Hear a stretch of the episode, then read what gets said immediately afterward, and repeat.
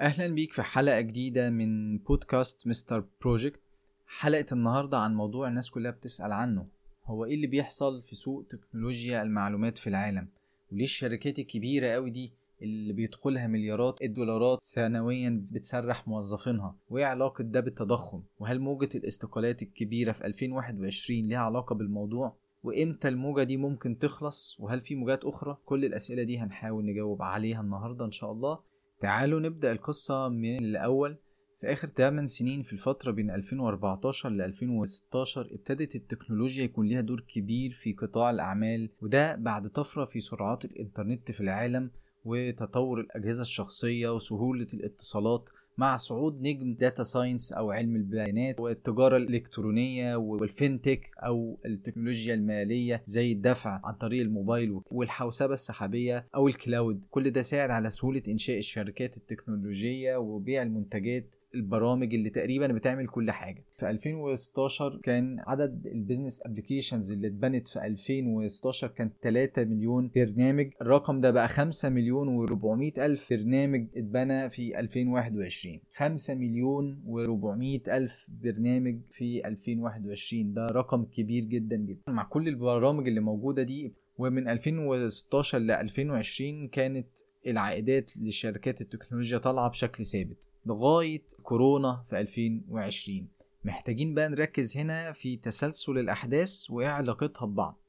من سنة 2020 والكورونا انتشرت وابتدى الناس تقعد في البيت وبالتالي سلوك المستهلكين اتغير. الناس بقت بتبيع وتشتري من صفحات الفيسبوك. العوائد من الإعلانات بدورها زادت بشكل صاروخي في السنتين اللي فاتوا دول لدرجة إن 97% من عائدات الفيسبوك كانت من الإعلانات فقط. 97% أنت بتتكلم في مليارات الدولارات داخلة من الإعلانات فقط في الفيسبوك. في الفترة دي شفنا المحلات اللي ما كانتش بتبيع أونلاين بقى ليها مواقع وبقى البيع والشراء من خلال النت بشكل سهل جدا. ابتدت الشركات برضو الكبيرة إنها تسرع التحول الرقمي في ظل العائدات الفلكية الكبيرة دي لشركات تكنولوجيا المعلومات. سمعنا عن جولات تمويلية بدأت الفلوس تزيد مع الشركات الستارت ابس وبالتالي بدأت حرب التعيينات. ركز بقى في الجزئية دي. حرب التعيينات من أجل التوسع. الشركات ابتدت تعين بشكل مبالغ فيه وكل شركة بتعلي عن المرتبات التانية من أجل إنها تجيب الناس الكفاءات من كل مكان. حتى في الفترة دي كنا سمعنا عن إن في 100 موظف من مايكروسوفت نقلوا راحوا على فيسبوك. ومع رفع المرتبات ومع انتشار الشغل عن بعد في الفترة دي بدأت ظاهرة إن المبرمجين بيشتغلوا في شركتين بدوام كامل وهو قاعد في الأوضة بتاعته.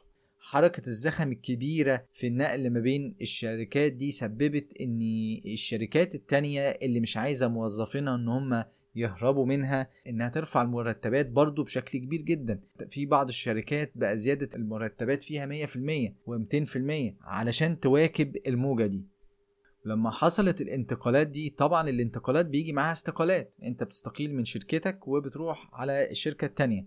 وده سبب إن في 2021 حصلت موجة استقالات ضخمة كان سببها حرب التعيينات دي. قبل ما ننقل على 2022 خلينا نجمع بسرعة الأحداث في 2020 و2021 لما الكورونا جت الناس قعدت في البيت.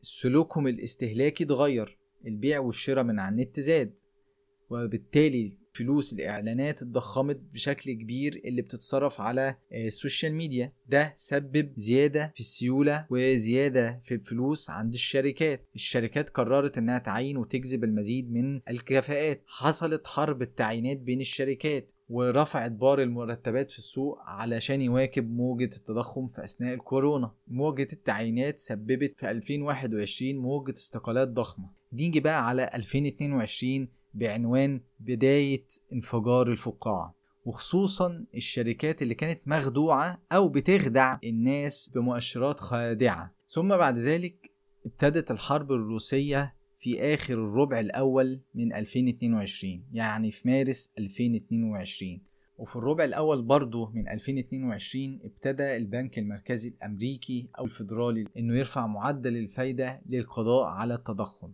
زيادة معدل الفايدة ده بيقلل السيولة وده بيخلي الناس تقلل الطلب على القروض وتشجع الناس إنها تودع أموالها في البنوك بما فيهم المستثمرين. آخر الربع التاني بنتكلم في شهر 6 2022 ابتدوا المستثمرين لما يشوفوا الأرقام بتاع الشركات اللي بيستثمروا فيها بيستشعروا قرب انفجار الفقاعة واحتمال حصول الكساد. يعني مثلا في 2022 الربع الثاني تويتر ابتدت تخسر بالملايين. الربع الثالث اتأكدت المخاوف دي بالأرقام الفعلية ومبقتش توقعات بقى واقع. الربع الرابع كان لازم الحركات التصحيحية دي تبدأ بقوة قبل تقفيلة نهاية السنة اللي هي في شهر نوفمبر 2022 وشفنا الشركات كتير بتعمل تسريح للموظفين وصل عدد الناس اللي اتسرحوا في 2022 بس 136 ألف موظف. تقدر تشوف التفاصيل الأرقام دي على موقع layoffs.fyi يبقى سؤالين في الآخر.